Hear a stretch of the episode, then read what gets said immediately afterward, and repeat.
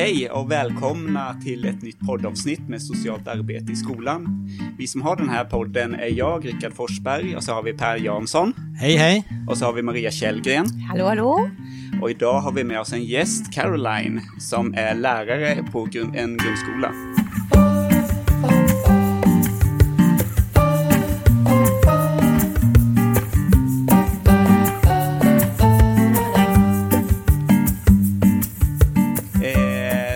Välkommen hit Caroline. Tack så mycket. I, eh, idag ska vi prata om lite vad lärare, eller vad du som lärare rättare sagt, tänker om eh, skolkuratorer och lite om socialt arbete i skolan och sådär. Vad, vad är det du tänker när du hör ordet skolkurator eller skolkurator? Ehm, det första jag tänker på det är att um, skolkuratorn behövs inom skolvärlden. Ehm, jag tänker också på att eh, det ska vara en, en bra samarbete mellan lärarna, eller all skolpersonal egentligen, med skolkuratorn. För i dagsläget tycker jag vi har alldeles för många elever som inte mår bra när de kommer till skolan. Ehm, däremot jag tycker det är viktigt att vi lärare har eh, ett bra förtroende för skolkuratorn också. Eh, vad, vad finns det mer? Alltså, vad, vad gör en bra skolkurator då? Skulle du säga? Eller har, har du mött någon bra skolkurator? Och vad, vad gör en sån i så fall? Och om du inte har mött en bra skolkurator, vad, vad tycker du att de ska göra för någonting? Um, det jag ser, alltså um, där jag jobbar, uh, vi har ju en bra skolkurator och um, att man visar sig ut bland eleverna, bland personalen, ehm, att det är den personen är ganska lättillgänglig. Man behöver prata med en elev. Ehm, det är också viktigt att man har en bra relation också med skolkuratorn. Att man inte är rädd att säga det som är kanske negativt eller positivt. Att man är ganska öppen om eh, hur saker och ting funkar på skolan. Jag funderar lite grann på vilka sammanhang som ni får möjlighet att träffas. Alltså möten och relation verkar ju vara det som är centralt för att etablera liksom kontakt och kunskaper mellan lärare och barn eller skolkurator och lärare och så vidare. Men vilka kontaktytor ser du som viktiga? Eh, det kan vara de här snabba kontakten ibland som eh, kan ge en hel del. Eh, kuratorn på våran skolan kanske kan komma förbi arbetsrummet, vi sitter och pratar lite, kan komma förbi verksamheten. Ehm, men jag tycker det är extremt viktigt att ehm, även vi lärare har en bra relation med eleverna. Att man ska vara vuxen på skolan. Att inte gå in och stänga in sig i något rum.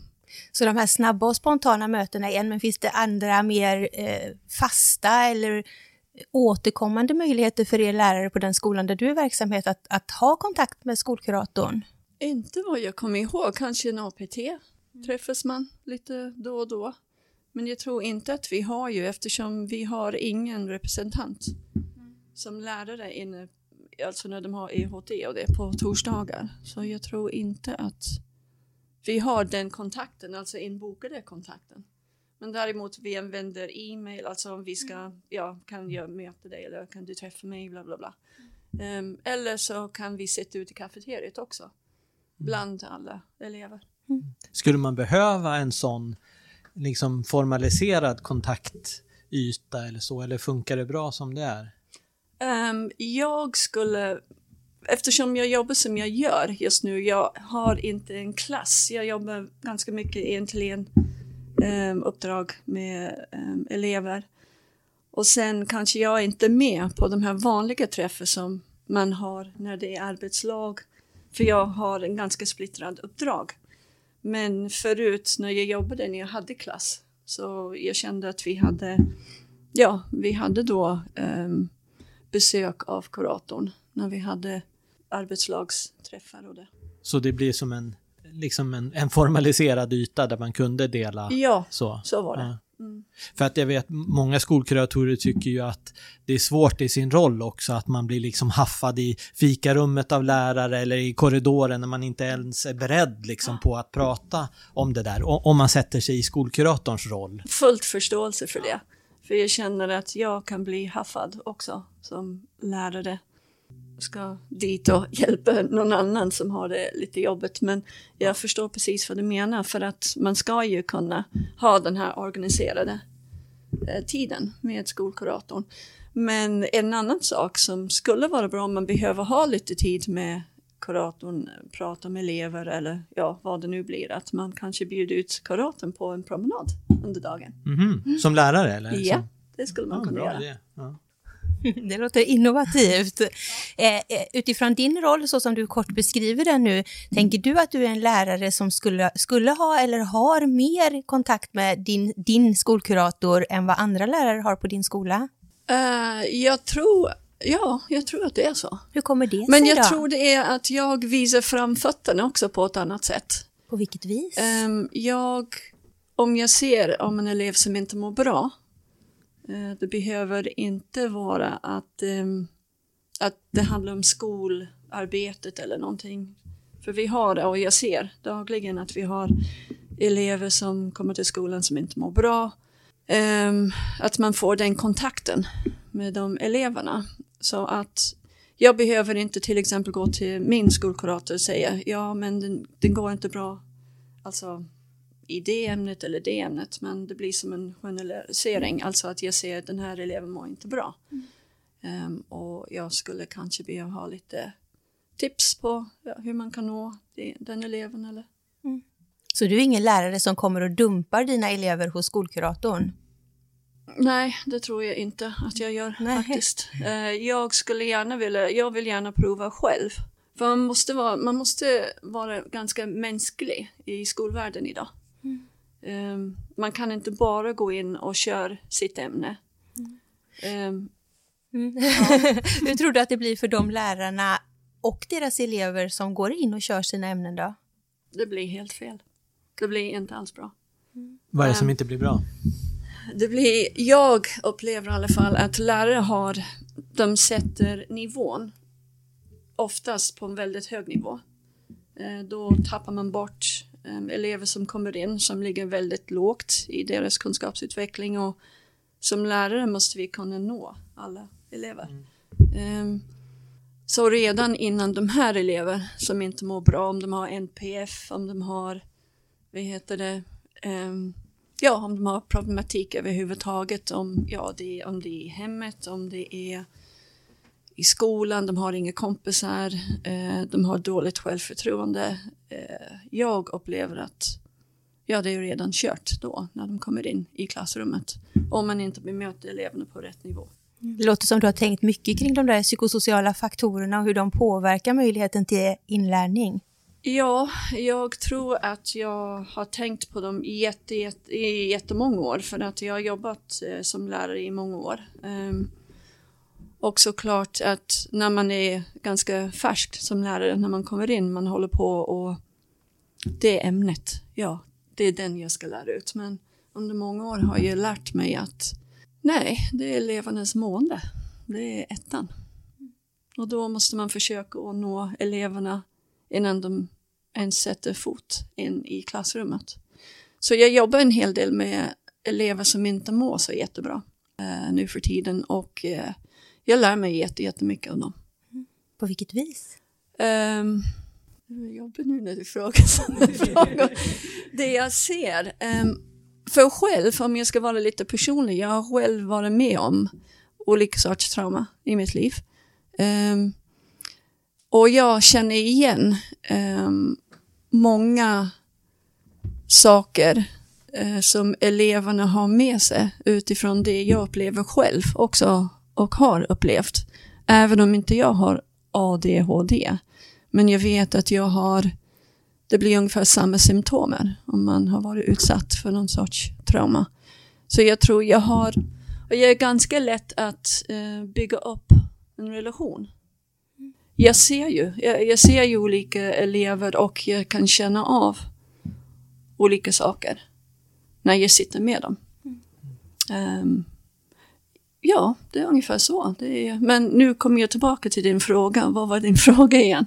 Ja, det var nog ungefär det där. För som, ja, jag tänker att, att kunna vända det också, att ta sina egna erfarenheter, vi bär ju alla på våra egna erfarenheter och göra det till något konstruktivt visar ju också barnen eller ungdomarna vägen till att deras erfarenheter också kan ändras till något konstruktivt. Så det kan man ju också tänka att det skickas med till barnen genom ditt relationella byggande och förmodligen då positiva inställning till att det ska gå vägen att göra skola.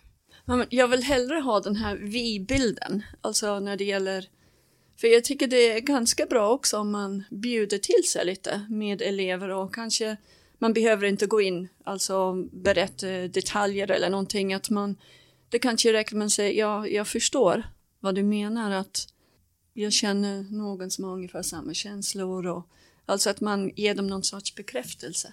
Och en icke-dömande attityd. Nej, precis min, min erfarenhet av att vara i skolan under många år är ju att vi har lärare eller pedagoger som ibland förhåller sig lite dömande eller är lite inskränkta kanske till olikheter hos barn och ungdomar.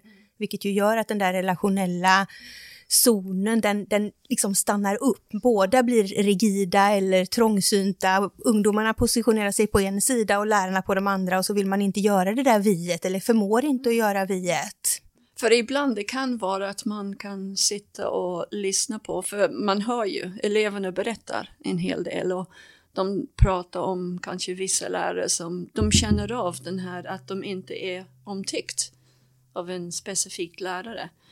Men eh, det är så viktigt för oss som bemöter eh, ungdomarna varje dag att vi, alltså de är människor att vi ska inte tänka på personen, alltså kanske deras beteende. De kan vara jobbiga i olika situationer, men det är inte själva människan. Och jag tycker det är viktigt att vi som vuxna kan säga det till. Att vara öppen om det. Nu vill jag prata med dig om en allvarlig sak. Och jag tycker det är, och nu pratar vi om ditt beteende och det handlar inte om dig som person. Att man gör lite skillnad. Det kan betyda mycket.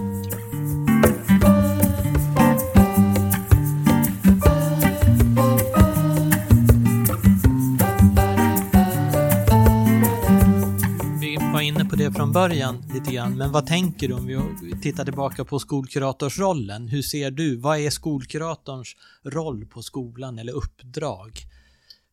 Hur skulle du tänka kring det? Ja, utifrån alltså, att jag är lärare, deras uppdrag för mig det är att nå de här eleverna som inte mår bra.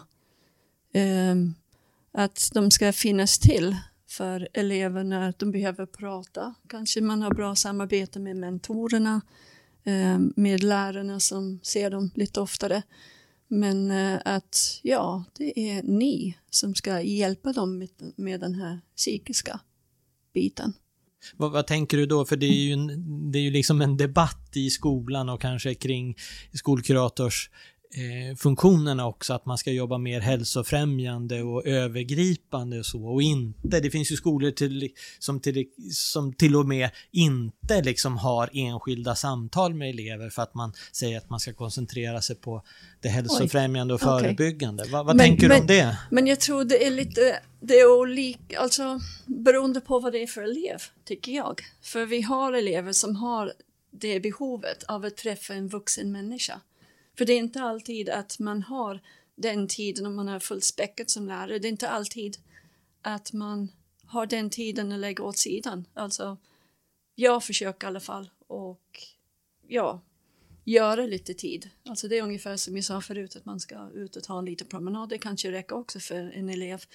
Men jag tycker att eftersom jag som lärare, jag har inte den utbildningen när det gäller den här psykiska biten Eh, samtidigt jag vet hur viktigt det är att man når eleven kanske på ett annat sätt också. Beroende på hur de mår hemma, hur de mår på skolan. Har de ätit frukost? Har de sovit gott?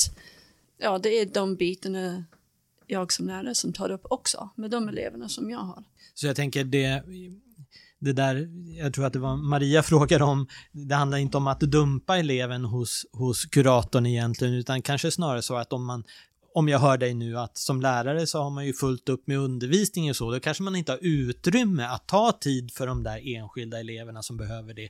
Och då är det ju bra om det finns en annan funktion på skolan som faktiskt kan göra det. Så i, i de orden så handlar det ju inte om att dumpa eller liksom lägga över att någon ska fixa eh, eleven och göra den undervisningsbar som en del liksom Nej, men jag tror för. hela bilden jag tänker på att vi ska vara som en, att vi ska ha den här vi-känsla. Alla vuxna på skolan. Den ska inte vara bara lärarens uppdrag. Det ska, inte, det ska inte bara vara kuratorns uppdrag heller. Att vi är där tillsammans. Att vi är där för att lyfta de här eleverna som behöver det mest. Men även de duktiga eleverna också, de måste ju, alltså de som är väldigt högpresterande, även de har behov av att eh, få lite stöttning. Ja, jag har ju under många år inom gymnasievärlden mött ungdomar som har varit alldeles för högpresterande och som totalt rasar samman också för den där högpresterande delen. Så jag tänker att det är ju också viktigt, precis som du är inne på, att uppmärksamma dem och liksom hinna bromsa upp också innan den psykiska ohälsan tar vid på grund av stress eller förväntningar eller prestation och sådär. Så att eh, en jättebra tanke. Mm. Jag tänker mycket också handla om vad det är för lärare man, man, eh, man träffar. För på dig låter det som du tar ganska, ger mycket tid till de barnen du har, för du jobbade som resurslärare. Eh, eller jobbade med vissa enskilda barn i alla fall. Och då får du de mycket tid med dig. Medan andra lärare som har kanske de större ämnena, de har inte lika mycket tid för var och en att det blir också en skillnad och kanske svårare för de andra lärarna att eh, skapa en sån här relation till det. Och då kanske det blir enklare att dumpa, vilket jag kan känna av ibland att man gör, att man ska fixa den här, alltså att den kan vara, vara i klass eller att den kan klara ämnet eller vad det nu kan vara för någonting. Det har blivit lite bättre. När jag började för åtta år sedan ungefär så så var det ganska vanligt att de dumpade speciellt yngre barn hos mig för att man skulle fixa så att de skulle vara i klass och så det är väldigt beroende på lärare. Men märker du av skillnader hur ni tänker, ni lärare, när ni sitter på arbetslag och sådär kring de sociala frågorna och barn som mår dåligt eller sådär? Um, jag kan säga att det finns viss förståelse. Och sen finns det lärare som känner att ja, eleven är lat, han orkar ingenting, han är jobbig eller hon är jobbig eller hen är jobbig. Men elever nu för tiden, de är ingen quick fix. Och jag tror det är ju det som eh, lärarna vill. De tror om man till exempel kommer till en kurator, ja, vad är det för fel på den här eleven? Men det funkar inte så. Det är, kan jag uppleva, det är ganska många som har väldigt mycket runt omkring sig eh, som påverkar deras dag. Av eleverna menar du? Ja. Att eleverna har det? Ja. Mm. Mm. För att när jag, jag jobbar inom min studieverksamhet också och sen är jag, jag finns där för elever och när de kommer på morgonen eh, viktigt att fråga har ni sovit bra, har ni ätit frukost? Om inte de har ätit någonting, om de ger signal för det, ja men då går vi ner och vi fixar en macka till exempel. Um, för det är de här basbehoven som jag känner ibland som spelar stor roll. Vad har hänt i vårt samhälle då, Caroline? Om du som viktig vuxen, tillika lärare, behöver handha de basresurserna för barnen? Jag vet inte, det kan ligga någonting i att jag bryr mig väldigt mycket om eleverna som kommer och går, alltså på min arbetsplats. Samtidigt de senaste tio åren har jag märkt en väldigt stor skillnad att eh, elever som kommer till skolan, de har inte sovit bra, de sover sämre.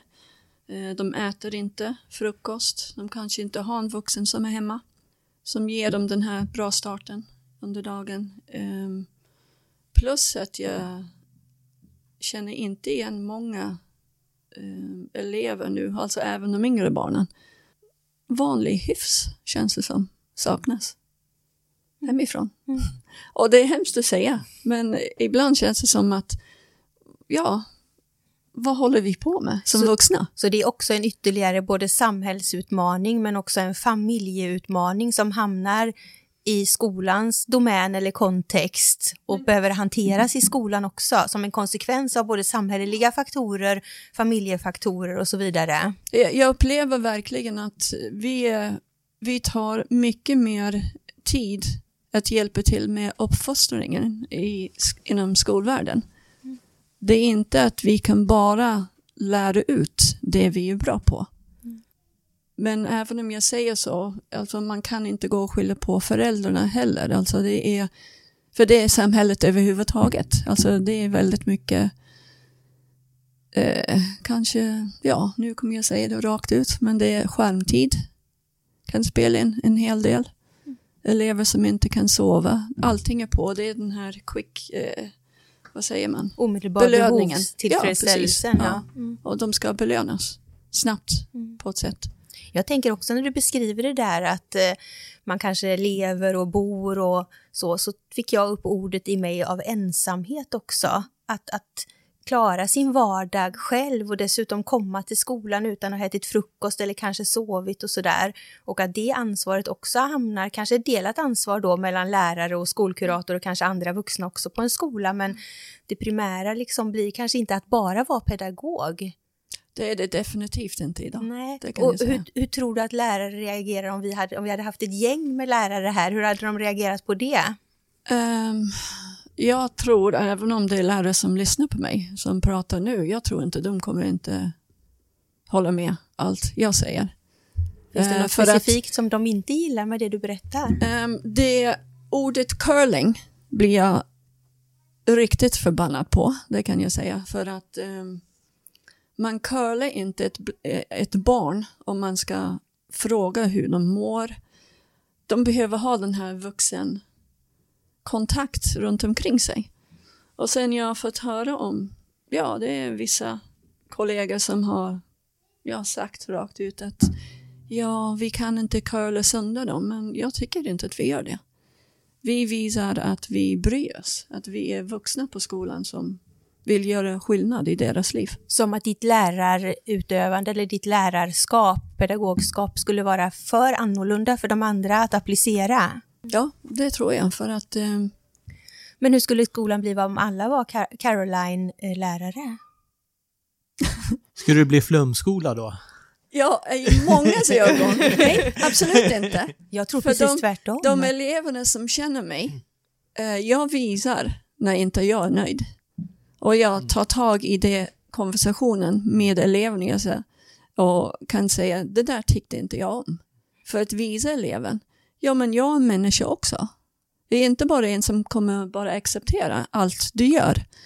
Men däremot, jag gör inte det kanske inför alla och kompisar eller någonting. Jag tar dem åt sidan eller tar den dagen efter när de har lugnat ner sig och sätter oss i ett lugnt ställe och säger att ja, det som skedde igår, jag tyckte inte alls om det för ja, jag blev sårad och jag vill inte att en elev ska kalla mig fula ord på grund av, ja det kunde vara, jag vill inte gå in på olika situationer men eh, man kan bli kallad jättefula saker på skolan.